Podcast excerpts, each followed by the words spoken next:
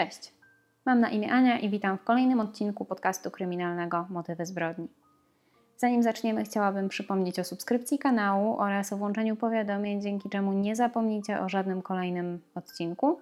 A także zachęcam do dołączenia do grupy na Facebooku, gdzie do każdego odcinka wrzucam zdjęcia, jakieś dodatkowe materiały oraz gdzie możemy podyskutować o wszystkich tych sprawach, które już zostały omówione, a także o takich, które chcielibyście zobaczyć na kanale. Jeszcze dwa lata temu podróżowanie było proste, było proste i przyjemne. Dzisiaj jest trochę utrudnione, natomiast nie jest to jakiś duży problem i tak naprawdę w kilkanaście godzin możemy być na drugiej półkuli. Czasami wystarczy tylko spakować kilka najpotrzebniejszych rzeczy do plecaka i udać się w świat, odkrywać, spełniać marzenia i poznawać to, co jest dookoła nas. I tak też postanowił zrobić bohater dzisiejszej historii. 24-letni Bruno Muschalik. Przepraszam, jeżeli wymowa tego nazwiska nie jest poprawna, ale nie jestem pewna, jak powinno być wypowiedziane. I Bruno ze swojej podróży niestety do dziś nie wrócił. Dzisiaj przenieśmy się do Zabrza, miasta położonego w województwie śląskim na południu Polski. Miasto to ma około 170 tysięcy mieszkańców. I tam też mieszka bohater dzisiejszego odcinka Bruno. Bruno przychodzi na świat 22 marca 1991 roku i mieszka w Zabrzu wraz z rodzicami, tatą Piotrem i mamą Aliną. Pan Piotr jest fotografem, a także wykłada na, uniwersy- na Akademii Sztuk Pięknych w Katowicach oraz ma tytuł doktora habilitowanego. Kiedy Bruno dorasta, jest lubiany w swoim otoczeniu, jest ambitny, ma artystyczną duszę i jest bardzo inteligentny. Uwielbia książki, film i muzykę. Wszyscy myślą, że Bruno w swoim życiu raczej pójdzie w tą artystyczną stronę, jednak kiedy młody chłopak dorasta, okazuje się, że podejmuje zupełnie inną decyzję, ponieważ rozpoczyna studia na Uniwersytecie Ekonomicznym w Katowicach, które też latem 2015 roku kończy z bardzo dobrym wynikiem. Poza ekonomią i sztuką, Bruno również bardzo chętnie uprawia sport. Chodzi na siłownię i wyjeżdża ze swoim ojcem w góry. Chłopak zdecydowanie jest ciekawy świata i chce go poznawać. Jego zamiłowanie do sportu widać zresztą bardzo dobrze po wysportowanej sylwetce. Bruno też jest dość wysoki, ma 186 cm wzrostu, ciemne włosy i zielone oczy. Tuż po ukończeniu studiów życie stoi przed nim otworem. Już we wrześniu 2015 roku Bruno ma rozpocząć nową pracę w korporacji na nie najgorszym stanowisku w Krakowie. Stoi przed nim bardzo dużo, bo tak naprawdę przeprowadzka, nowa praca, mnóstwo wyzwań. Chłopak jest podekscytowany tymi wszystkimi możliwościami, które na niego czekają. I tak naprawdę też zdaje sobie sprawę z tego, że miał bardzo dużo szczęścia, że został wybrany do tej pracy spośród 50 innych kandydatów i zdaję sobie również sprawę z tego, że nie każdy ma tyle szczęścia, aby od razu po studiach dostać pracę zgodną z wykształceniem i to na nie najgorszej pozycji. Bruno rozpoczął już nawet pierwsze przygotowania do tego, co go niedługo czeka. Rozpoczął od poszukiwania mieszkania, ponieważ jeśli czeka go przeprowadzka, to musi znaleźć nowe miejsce, gdzie będzie żył. I takie mieszkanie też znalazł. Jednak ma jeszcze trochę wolnego czasu, bo całe lato tak naprawdę przed nim, zanim rozpocznie nową pracę. I postanawia, że to jest dobry czas, żeby odpocząć i wynagrodzić sobie ten czas, kiedy się uczył i starał się osiągnąć to wszystko, co teraz ma. W końcu niedawno obronił magistra, więc też trochę odpoczynku i, i dobrej zabawy mu się właściwie należy. W tym momencie Bruno podejmuje decyzję, że jest to świetny moment na to, aby spełnić jedno ze swoich marzeń, bo ma jeszcze dwa miesiące wolnego, więc taka szybka myśl, jak nie teraz, to kiedy. I w związku z tym w lipcu 2015 roku Bruno planuje podróż do Indii, o której zawsze marzył. Zawsze był bardzo zafascynowany kulturą tego kraju, przyrodą i bardzo chciał zobaczyć, jak tam jest. Chłopak planuje czterotygodniową podróż z plecakiem. Na początku plan jest taki, że w podróż poza Brunem udadzą się również jego znajomi i pojadą całą grupą. Natomiast kilka dni przed wyjazdem okazuje się, że z jakiegoś powodu jego znajomi nie są w stanie z nim jechać i muszą swój wyjazd odwołać. Bruno postanawia, że on nie zrezygnuje i pojedzie jednak sam. Kiedy pan Piotr, ojciec Bruna, dowiaduje się o tym, że chłopak chce jechać w samotną podróż do Indii, proponuje, że pojedzie z nim, że, że uda się z własnym synem. Jednak kiedy chłopak dowiaduje się, że jego tata musiałby przekładać jakieś plany, coś zmieniać, twierdzi, że pojedzie sam, a że był uparty, to jak powiedział, tak zrobił i bardzo ciężko było wpłynąć na tą decyzję. Bruno też czuł się na siłach, aby, aby pojechać samemu w taką podróż. Był wysportowany, był dobrze zorganizowany, raczej unikał niebezpiecznych sytuacji, do tego znał biegle dwa języki, angielski i niemiecki, i czuł, że tak po prostu będzie w stanie sobie poradzić w takiej samotnej podróży do Indii. Rodzice chłopaka wierzą, że jest rozsądny i raczej nie będzie szukał niebezpiecznych sytuacji. Ufają swojemu synowi, chociaż gdzieś tam z tyłu głowy jest ta taka nutka zmartwienia, tego, że może się coś wydarzyć, a w końcu jedzie sam. Natomiast starają się podejść do tego racjonalnie i, i wiedzą, że jeżeli chłopak będzie z nimi w stałym kontakcie, mamy telefony, mamy internet, możemy się komunikować, wiedzą też, że ich syn nie jest raczej osobą, która podejmuje jakieś szalone kroki i szuka tak naprawdę przygód, więc postanawiają, że, że to w porządku i, i ten poziom zmartwienia trochę spada. Nadchodzi 30 lipca 2015 roku. Bruno bierze swój spakowany plecak i opuszcza mieszkanie w Zabrzu, w którym mieszkał ze swoim ojcem. Kieruje się na lotnisko, skąd leci. Lot trwa około 12 godzin, po czym chłopak wysiada z samolotu w New Delhi i rozpoczyna swoją przygodę. Na początku Bruno ma świetny kontakt ze swoimi rodzicami. Przez pierwsze dni przebywa w New Delhi, więc jest tam dostęp do internetu i nie ma problemu, żeby się komunikować. Rozmawiają ze sobą przez telefon, przez komunikatory. I tak naprawdę Bruno dzwoni do swojej mamy Aliny i taty Piotra prawie codziennie. Opowiada im o tym, co robił danego dnia, jakie ma plany na jutro. Mówi o tym, że Indie są fascynujące, że nawet się nie spodziewał, że będzie tak świetnie. Zdecydowanie w jego głosie czuć, że ta podróż dała mu bardzo dużo szczęścia i, i takiego optymizmu, że naprawdę chłopak tam wypoczywa i, i wróci w bardzo dobrym nastroju. A Bruno mówi też o tym, że, że jest bardzo pozytywnie zaskoczony. Poznaje nowych ludzi, poznaje lokalnych ludzi, którzy są bardzo sympatyczni, którzy są bardzo przyjaźnie nastawieni. Mówi o tym, że zapraszają go do siebie do domu na obiad, że zaczynają się wiązać między nimi jakieś tam niewielkie przyjaźnie. A Bruno też poza tym, że rozmawia ze swoimi rodzicami na co dzień, publikuje zdjęcia w mediach społecznościowych z tej swojej przygody. W końcu to był rok 2015, więc takie rzeczy jak Facebook już istniały i były bardzo powszechne.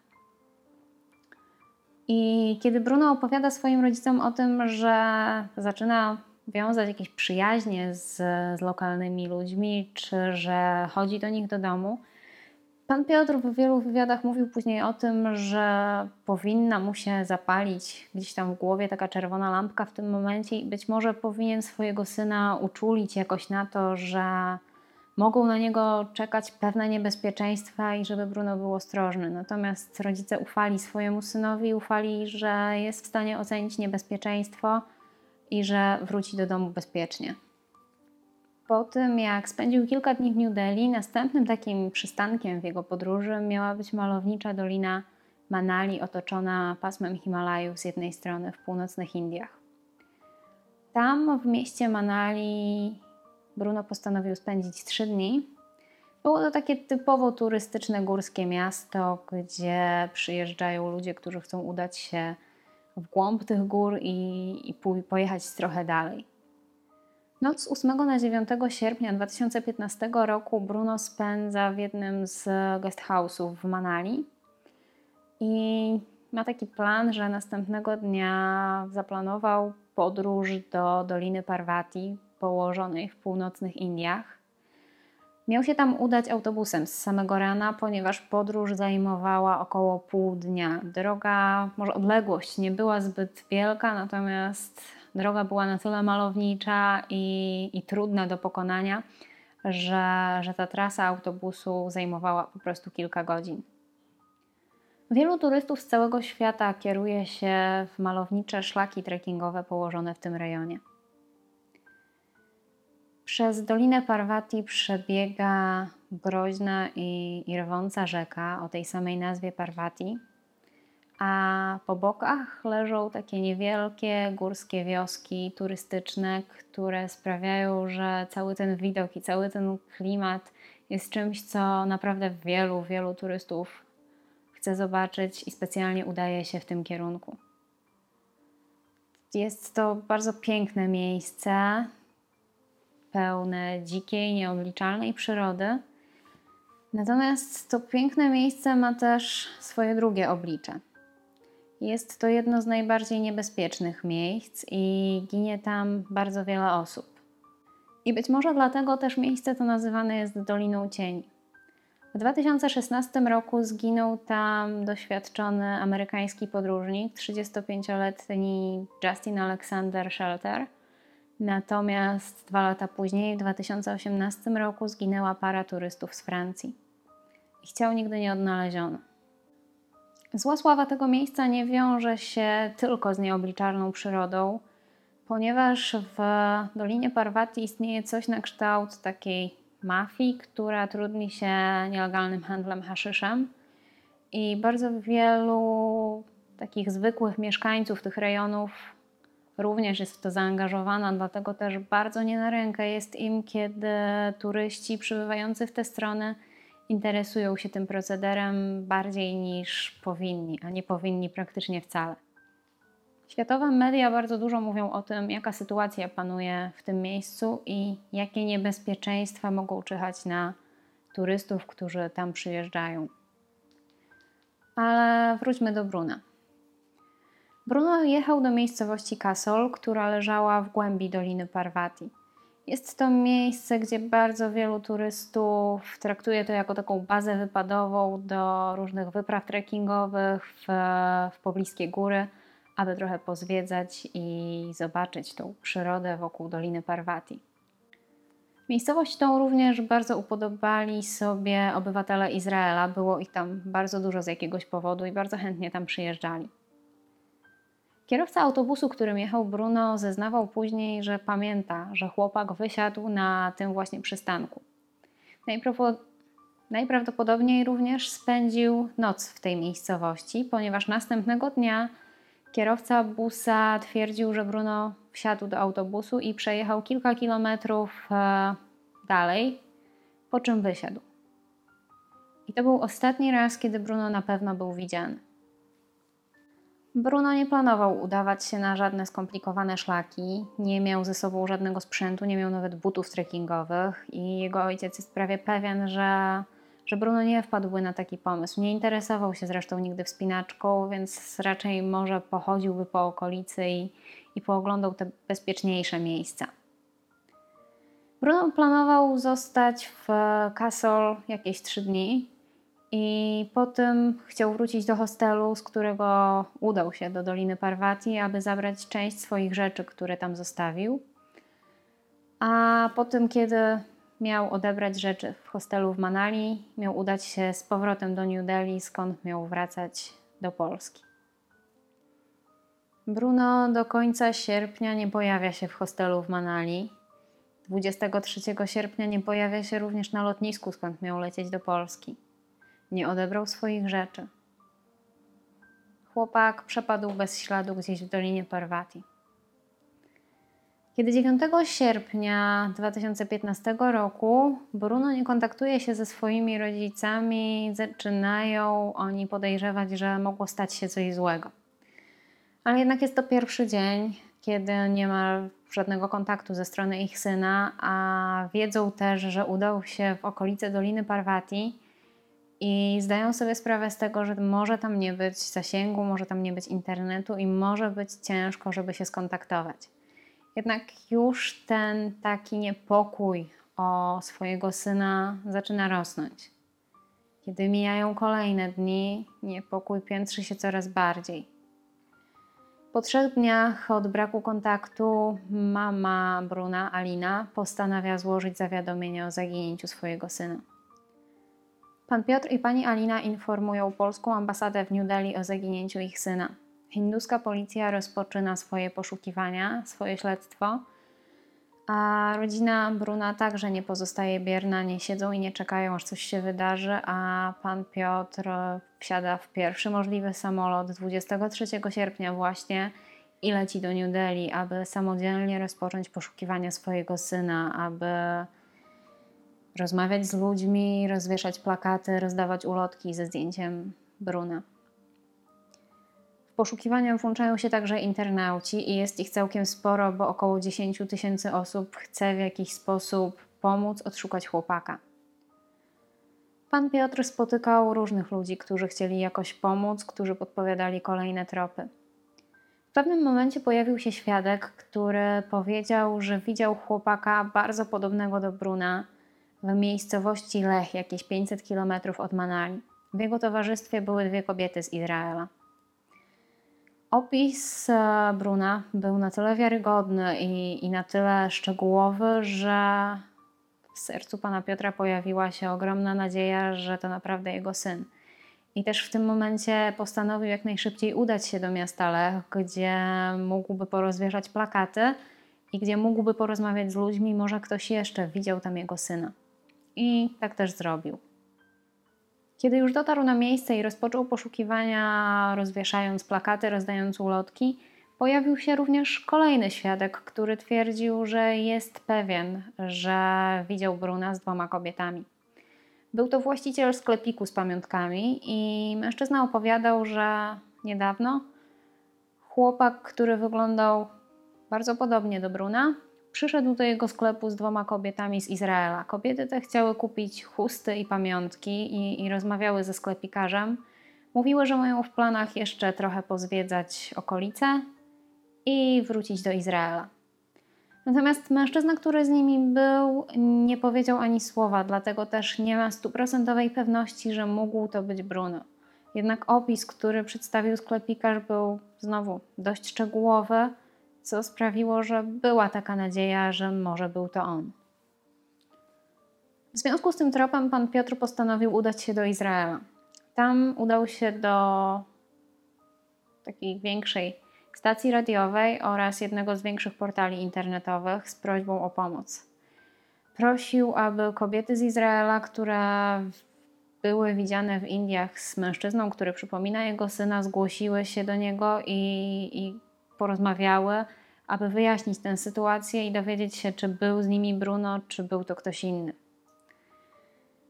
Niestety nie było żadnego odzewu, i tak naprawdę tutaj ten trop izraelskich kobiet zupełnie się urywa. Pan Piotr twierdzi, że jego syn nie był na tyle lekkomyślny, żeby po prostu poznając dwie kobiety urwać kontakt ze wszystkimi i raczej nie wierzy w to, że mogłoby to być powodem. Dwa tygodnie od kiedy rozpoczęły się poszukiwania Bruna, na policję zgłosił się pewien mężczyzna, który był pracownikiem publicznej toalety w Manali i twierdził, że kilka dni wcześniej widział Bruna w tej toalecie.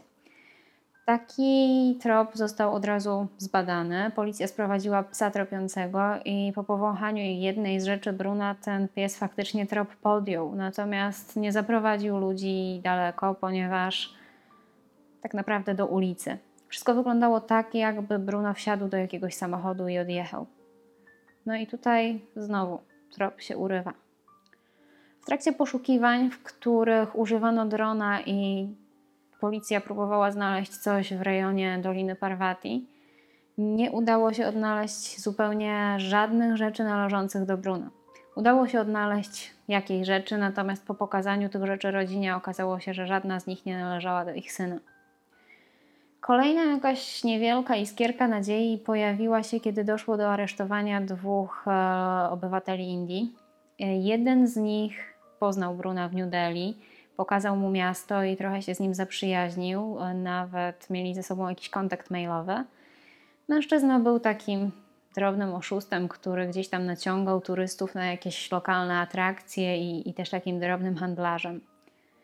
Okazało się, że to właśnie on, jeden z nich, ten, który się z Brunem przyjaźnił, bardzo mocno namawiał go do wizyty w Dolinie Cieni. Bruno nie chciał tam jechać, nie był pewien, czy na pewno jest na siłach, czy to dobre miejsce, aby jechać tam samemu, ale, ale ten lokalny chłopak bardzo mocno go do tego namawiał. Nawet powiedział mu, że ma tam kolegę, który wszystko dla niego zorganizuje i że jest to tak piękne miejsce, które zdecydowanie trzeba zobaczyć. Po aresztowaniu mężczyźni zostali przesłuchani i zbadani wariografem. Okazało się, że mówią prawdę i że nie, nie wiedzą zupełnie nic na temat zaginięcia Bruna. Po tym zostali z aresztu zwolnieni. Dwa lata po tym, kiedy rozpoczęły się poszukiwania Bruna, wściekły pan Piotr, ojciec Bruna, postanowił pójść do Najwyższego Sądu Indii i złożyć pozew przeciwko bezczynności policji. Taką sprawę wygrał i sąd wznowił śledztwo. Tym razem e, śledztwem miała zająć się, miał zająć się taka jednostka, której odpowiednikiem w Polsce jest CBŚP. I sąd zadecydował, że raz na jakiś czas mają oni raportować, jakie są postępy w śledztwie i co zostało zrobione. Rodzina Bruna ciągle go szuka, ciągle wierzą, że chłopak gdzieś tam jest i żyje i że uda się go odnaleźć. Organizują kolejne wyprawy do Indii, w trakcie których przeczesują teren, pytają ludzi i starają się odszukać jakiekolwiek ślady. Prowadzony jest ten fan, też e, fanpage na Facebooku, gdzie można przeczytać, jakie kolejne działania są podejmowane, aby Bruna odnaleźć. I także prowadzone są zbiórki, które mają wspomóc rodzinę w, w tych poszukiwaniach. Mimo, że możliwe są najgorsze scenariusze i tak naprawdę minęło bardzo dużo czasu, to rodzice Bruna wierzą, że, że niekoniecznie mogło się wydarzyć to, co najgorsze i że być może chłopak jest gdzieś w Indiach i jeszcze wróci do domu. Oczywiście wiedzą, że mógł się wydarzyć jakiś wypadek, czy Bruna mógł skrzywdzić ktoś, kto może zwyczajnie chciał go okraść. Natomiast jest też taka możliwość, która byłaby najlepszym rozwiązaniem dla wszystkich i najlepszą informacją, a mianowicie, że Bruno zaczął medytować i zaszył się gdzieś w jednym z klasztorów w Himalajach i, i po prostu tak go to wciągnęło, że zerwał kontakt ze wszystkimi, ale mimo wszystko żyje i jest bezpieczny. Pan Piotr mówi, że stara się nie załamywać, nie popadać w depresję, a robić raczej to, co rodzic robić powinien, czyli ciągle szukać swojego syna, ciągle jeździć do Indii i ciągle próbować podejmować jakieś działania. Pani Alina ciągle wierzy, że Bruno żyje i że któregoś dnia po prostu wróci do domu. W 2019 roku miała odbyć się jeszcze jedna wyprawa do Indii, gdzie wraz z panem Piotrem mieli się udać detektywi z Polski, aby także poszukać i, i, i być może odnaleźć jakieś ślady. Czy ta wyprawa doszła do skutku, tego nie wiem, ponieważ niedawno, zaraz potem rozpoczęły się czasy pandemii i nie wiem, jak to teraz wygląda. A, no i to już jest wszystko na temat tej historii, która zakończyła się, właściwie nie zakończyła się jeszcze. Mamy, miejmy nadzieję, że się zakończy pozytywnie. Dajcie znać, czy wy wiecie coś więcej na temat zaginięcia Bruna i czy macie jakieś dodatkowe informacje. Chętnie w komentarzach poczytam wasze, wasze informacje i dziękuję Wam za obejrzenie odcinka do końca. Na grupie facebookowej oczywiście dołączę Wam linki na fanpage'a, na którym są informacje o, o tym, co się dzieje w sprawie zaginięcia Bruna. Wrzucę też jakieś zdjęcia i w opisie tego filmu też będziecie mogli zobaczyć jakieś dodatkowe linki. Dziękuję za obejrzenie i dbajcie o siebie. Cześć.